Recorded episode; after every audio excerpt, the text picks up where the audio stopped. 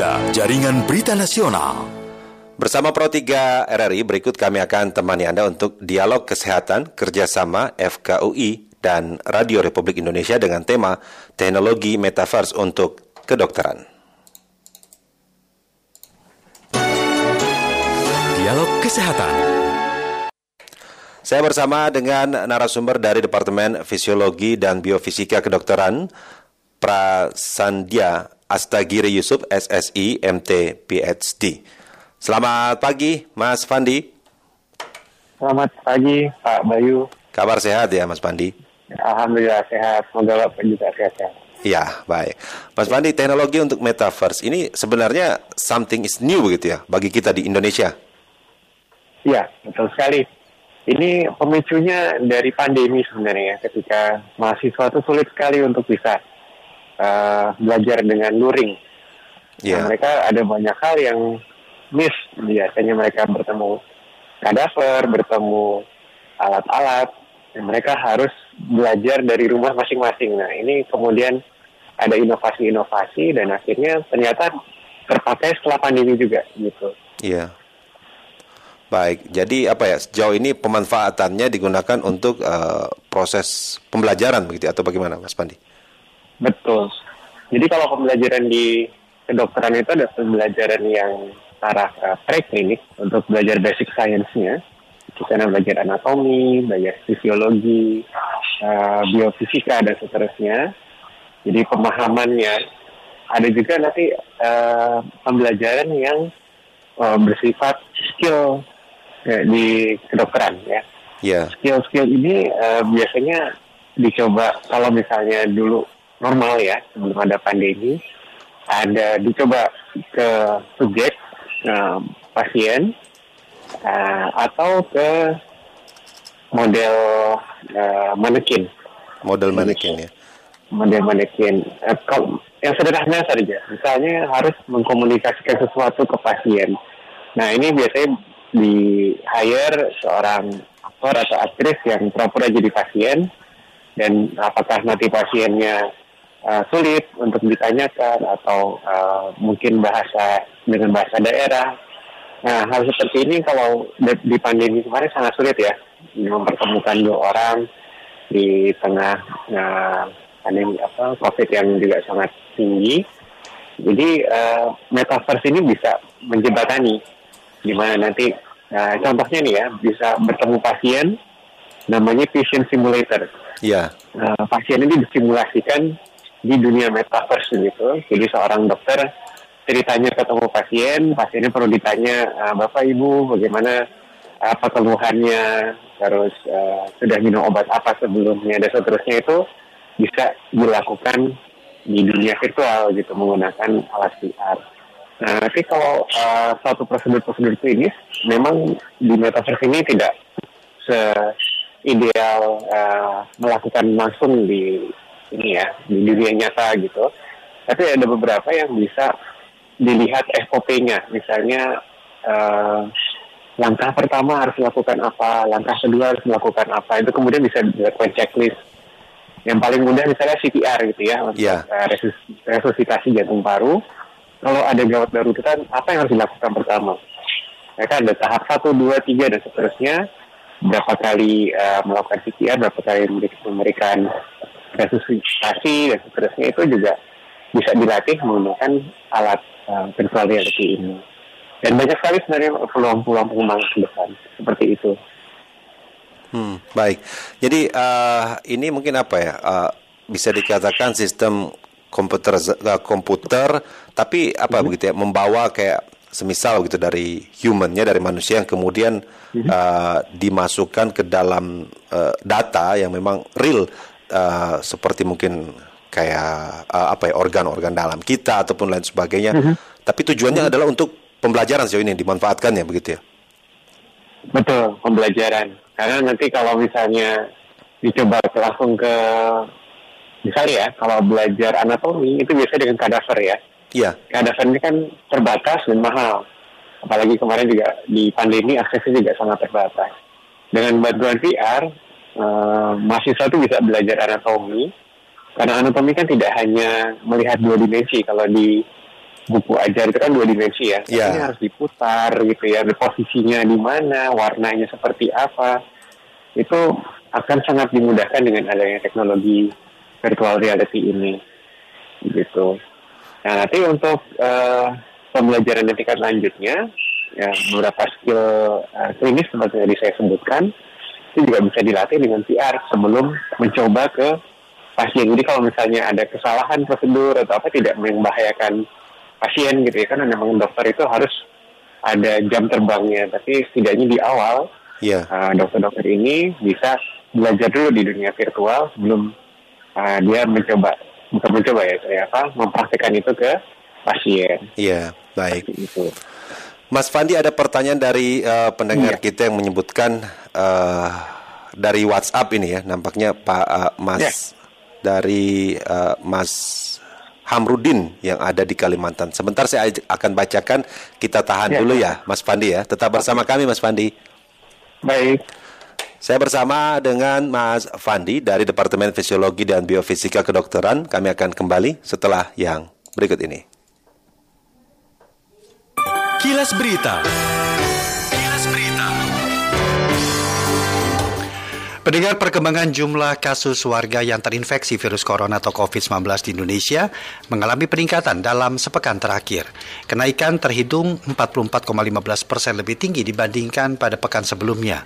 Berdasarkan data yang dihimpun dari laporan harian pemerintah, tercatat selama periode 1 hingga 7 Juni, jumlah kumulatif kasus konfirmasi COVID-19 dalam satu pekan berjumlah 2.687 kasus. Sementara pada periode sepekan sebelumnya atau selama periode 25 hingga 31 Mei, kasus COVID-19 berjumlah 1.864 kasus. Dan untuk informasi selengkapnya dapat Anda baca melalui rri.co.id. Berita. Pro 3, Jaringan Berita Nasional. Saya masih bersama dengan Mas Fandi untuk eh, sesi dialog kesehatan kerjasama RRI dan FKUI. Sebelum kami jeda tadi ada pertanyaan dari Pak Hamrudin via WhatsApp yang ditanyakan eh, Pak narasumber, apakah eh, teknologi seperti ini merata di seluruh Indonesia atau di mana saja? Baik, boleh ditanggapi ini Mas Fandi? Oke, ini eh, pertanyaan yang sangat bagus ya. Teknologinya bisa canggih, tapi kalau tidak bisa banyak yang menggunakan, akhirnya nanti percuma gitu. Nah. Ya. Sekarang teknologi virtual reality itu sudah semakin murah. Eh, saya kalau boleh, eh, mungkin tidak perlu sebutkan merek ya. Jadi ada beberapa produk Ya, itu yang sudah terjangkau sampai harga 6 juta per unitnya. Itu kan seharga eh, ponsel kita sekarang gitu ya ya, dan dengan harga 6 juta itu sudah bisa uh, membeli satu unit virtual reality untuk bisa diinstal program. Nah, kalau tadi saya cerita ada latihan bertemu pasien, latihan melakukan CPR dan seterusnya itu uh, adalah suatu software yang diinstal ke dalam alat virtual reality tersebut. Uh, programnya sendiri ada yang membutuhkan jaringan internet, ada juga yang offline. Artinya Iya. kalau misalnya kita bicara daerah Indonesia yang sulit jaringan internetnya, ada juga software yang kita bisa dedikasikan secara offline, jadi tidak perlu dihubungkan ke internet. Jadi mungkin hanya ketika menginstalnya saja, di-download dari eh, server gitu, itu butuh internet, tapi setelahnya bisa digunakan tanpa koneksi internet. Sehingga untuk calon-calon dokter di daerah yang mungkin eh, jaringan internetnya susah, di daerah timur misalnya itu juga sangat memungkinkan untuk bisa dikembangkan. Seperti itu. iya. Ada lagi Ibu Indra di Cirebon. Ibu Indra, halo. Ya, Bung Bayu ini. Iya, sama Ya, Mas Fandi juga. Silakan pertanyaan. Selamat pagi. Dokter, Apa eh, mengenai ya digital kita ini. Jadi saya teringat eh, banyak pasien dari Indonesia yang pergi ke Singapura untuk berobat. Konon katanya, sebetulnya dokter-dokter di Indonesia ini lebih hebat-hebat dari dokter di Singapura. Baik. Cuma di di sana ada alat digital gitu ya komputer begitu yang bisa mendiagnosa penyakit-penyakit dan eh, menemukannya sehingga dokter ini tinggal mengobati. Bagaimana? Betulkah demikian? Baik. Terima kasih Bung Bayu. Terima kasih ya Bu Indra ini pertanyaan menarik memang. Sebelum ditanggapi Mas Fandi, kita langsung tampung juga ada lagi satu penanya saya coba terima Pak Nur Hadi yang ada di Bekasi. Pak Nur Hadi, halo. Pagi. Pagi Bayu. juga Pak Nur Selamat Hadi. pagi Mas Pandi. Selamat Salam pagi, kita semua. Makasih. Salam sehat. Eh, ya terima kasih. Sama-sama. Eh, Jangan mau banyak-banyak ya Pak pertanyaannya Pak Nur Hadi. I- udah udah ke ini. udah udah ke detect aja. Iya. Nah, berarti poinnya begini aja. Berarti saya koma-koma aja nggak pakai nomor. Eh, yang pertama eh, eh, apa namanya tes pap smear itu tempo hari sudah sampai dengan i eh, tes pap smear. Nggak taunya eh, nanyanya ke rumah sakit eh, negara tetangga sebelah tapi ngetesnya di sini begitu. Itu model kayak gitu nggak? Dan juga kemudian eh, semacam kayak apa namanya eh apa tuh saya namanya lupa cuman mungkin kalau Mas Pandi tahu yang eh, ada tindakan eh bedah eh, ringan eh, pasien sadar tapi tindakannya ke dalam-dalam. Oh laparoskopi kalau nggak salah. Ini udah Oh, mulai ya. bagian dari teknologi seperti itu nggak? Jadi pasiennya bahkan lihat di monitor begitu. Oke. eh, Mas Bayu jadi nyantai aja eh, wah lagi berasap berasap begitu tapi nggak sakit gitu. Tapi ya itu. Pertanyaan terakhir ketiga ini saya agak PR sedikit karena setiap kali nanya bingung mau nanyanya ke siapa nih eh, Mas Pandi dan eh, Mas Bayu barangkali gini eh, kalau di LSM khususnya nanti udah eh, ini para dokter ini sudah eh, eh, apa namanya spesialisnya sudah panjang sudah banyak begitu. Tapi belakangnya adakah konsultannya itu kepada siapa sih peruntukannya begitu? Kepada pasien apa justru kepada eh, dokter muda? Dan juga THT kok ada THT KL pertanyaannya kalau belum KL apakah itu spesialisasi atau masih THT Oke, umum? oke. begitu aja. Terima kasih selamat pagi salam sukses. Terima kasih ya Pak Nur Hadi. Langsung diborong ini sama Ibu Indra juga di Iya, Cirebon. banyak pertanyaannya. Ibu Indra dulu yang di Cirebon tadi. Kok bukan rumor sih, coba. apakah fakta begitu ya? Ah, saya coba jawab ya. Jadi ada alat yang konon katanya di Singapura itu ada yang bisa langsung mendeteksi penyakitnya, dokter langsung mengobati begitu ya. Ya. Kalau saya juga kurang mendapatkan gambaran, tapi kalau saya bisa menebak ini mungkin menggunakan teknologi artificial intelligence. Nah, di Indonesia juga tidak kalah sebenarnya sudah ada menggunakan uh, artificial intelligence ini. Apa itu artificial intelligence? Sebenarnya itu adalah satu uh, ya, teknologi yang menggunakan komputer untuk bisa melihat pola-pola. Polanya itu bisa dari gambar, bisa dari suara, bisa dari teks dan seterusnya. Nah, ini tergantung datanya data apa. Misalnya data ronsen dada gitu ya. Nah, data ronsen dada ini bisa diperiksa oleh dokter ahli radiolog yang sudah puluhan tahun misalnya dan dia dalam waktu dua detik bisa lihat ini orang sakit gitu karena ada flek di sekian sentimeter dari pinggir misalnya. Nah, itu hanya bisa dilakukan oleh dokter yang punya pengalaman puluhan tahun. Dengan artificial intelligence, ini bisa dideteksi secara otomatis. Nah, tapi mendeteksi otomatis ini pun butuh eh, effort juga, yaitu data yang ribuan untuk bisa melatih mesin tersebut bisa mendeteksi gitu. Dan si artificial intelligence ini tidak lebih pintar dari manusia, jadi jangan khawatir dokter tidak akan disingkirkan oleh adanya AI, justru dibantu seperti tadi yang uh, ibu sampaikan, dokternya bisa lebih cepat dapat uh, ini sakitnya apa, lalu kemudian dia bisa memvalidasi. Jadi ada satu kerjaan yang mungkin tadi tidak tersebut ya, divalidasi oleh dokter, oh ini benar sakitnya ini. Tidak 100% percaya ke mesin gitu ya. Kemudian dia baru memberikan obat.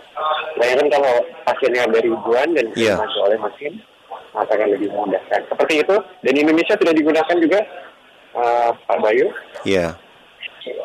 Lalu untuk pertanyaan berikutnya, eh, yang seingat saya dulu mungkin ya, kalau untuk yang terakhir dulu, eh, THTKL, mungkin maksudnya yang eh, dalam kurung K. Ya. Kalau dalam kurung K itu artinya konsultan, dia sudah spesialis dua. Untuk dokter yang sudah spesialis spesialis dua ini memiliki eh, eh, apa namanya kompetensi subspesialis yang lebih mengerucut lagi. Hmm. Gitu. Jadi misalnya spesialis anak, tapi anaknya khusus ke eh, terkait nutrisi. Spesialis anak khusus ke tumbuh kembang. Gitu. Itu adalah eh, yang dalam kurung K tadi adalah subspesialis yang lebih tinggi dari spesialis itu biasanya untuk menangani kasus-kasus yang lebih spesifik gitu. Kalau uh, spesialis anak saja mungkin untuk yang yang eh, cukup umum, tapi yang spesialis khusus itu harus dengan dokter subspesialis. Semoga terjawab. Lalu yang agak mundur yang berikutnya tadi pertanyaan saya lupa lagi. Laparoskopi nih kayaknya seperti tindakan bedah ringin. Ya. ya. Betul. Jadi uh, laparoskopi itu menggunakan kamera ya, dan itu bisa uh, dibedah secara minimal, namanya minimal invasive surgery. Tidak perlu dibuka besar-besar gitu untuk uh, menyayat uh, atau mengambil suatu uh, organ yang tidak dibutuhkan lagi atau yang sakit. Tapi cukup bisa dengan sangat kecil, lalu digunakan uh, kamera seperti selang itu masuk ke dalam, dokternya bisa melakukan operasi. Dan uh, tapi laparoskopi ini juga tetap yang setahu saya ya tetap bius gitu, jadi si pasiennya kemudian tidak bisa ikutan lihat di monitor seperti dokternya melihat di, di monitor. Tapi nah, keuntungannya adalah karena lukanya kecil maka kesembuhannya juga lebih cepat ketimbang operasi besar yang harus dibuka dengan uh, luka yang besar gitu. Iya. Seperti itu. Lalu yang pertama saya lupa. Uh, seperti tes pap smear begitu uh, yang terbaru pakai kayak uh, memang kayak model metaverse begitu begitu ya teknologi yang terus Oh iya. Iya betul. Jadi metaverse ini ada banyak sekali ya. Pap smear ini salah satunya bisa juga untuk ya, melatih dokter-dokter kalau uh, tes pap smear itu kan karena organ yang uh, cukup sensitif jadi kalau uh, dokter mau latihan tanpa merasa awkward ya nantinya ya, itu bisa dengan teknologi VR seperti ini. Sehingga dia kalau sudah uh, lancar, sudah confident, baru bisa bertemu pasien. Karena pasien-pasiennya kalau misalnya dokternya masih gagap-gagap, padahal itu yang diperiksa adalah daerah yang sensitif. Seperti itu, jadi uh, teknologi VR ini juga sudah ada yang untuk uh, pemeriksaan pasien. Baik. Terakhir, Mas ya. Fandi, uh, dengan hadirnya ya, ya. teknologi seperti ini ya, tapi uh, seperti tadi yang Mas Fandi bilang tidak tidak mengesampingkan bagaimana skill dari uh, dokter yang dimiliki begitu karena ada sisi human juga di dalamnya. Uh, sebagai penutup juga dan juga untuk sekaligus kesimpulan, silakan Mas Fandi. Ya, terima kasih. Jadi uh, teknologi virtual reality, augmented reality yang disebut metaverse itu awalnya dari pandemi, tapi ternyata sangat terbantu ya. Uh, pandemi sudah dianggap endemi itu bisa tetap digunakan untuk melatih dokter-dokter sebelum bertemu pasien. Dan bisa dilatih di mana pun. Tidak perlu harus datang langsung ketemu pasien gitu ya. Jadi dari dari rumah dari untuk menjangkau uh, daerah-daerah pelosok yang mungkin pasiennya juga nggak ada bisa disimulasikan dengan teknologi uh, metaverse ini. Lalu uh, tersambung dengan artificial intelligence atau kecerdasan buatan. Ini juga sangat membantu dokter, namun tidak akan menggantikan dokter. Justru untuk membantu dokter bisa bekerja lebih efisien dan bisa apa ya meningkatkan sisi humanis dokternya gitu ya. Kalau dokter biasanya sibuk banget satu hari ada ratusan pasien, tapi dengan dibantu mesin dia bisa lebih humanis, bisa lebih ngobrol dengan pasiennya dan uh, mendedikasikan uh, profesinya untuk membantu pasien. Seperti itu, Pak Bayu, terima kasih. Baik, Mas Pandi, terima kasih untuk kebersamaan kita pagi ini. Selamat pagi, Mas Pandi. Terima kasih, selamat pagi. Demikianlah pendengar dialog kesehatan uh, kerjasama FKUI dan Radio Republik Indonesia dengan tema teknologi metaverse untuk kedokteran bersama Mas Fandi dari Departemen Fisiologi dan Biofisika Kedokteran, nama lengkapnya Prasandia Astagiri Yusuf SSI MT PhD. Dialog Kesehatan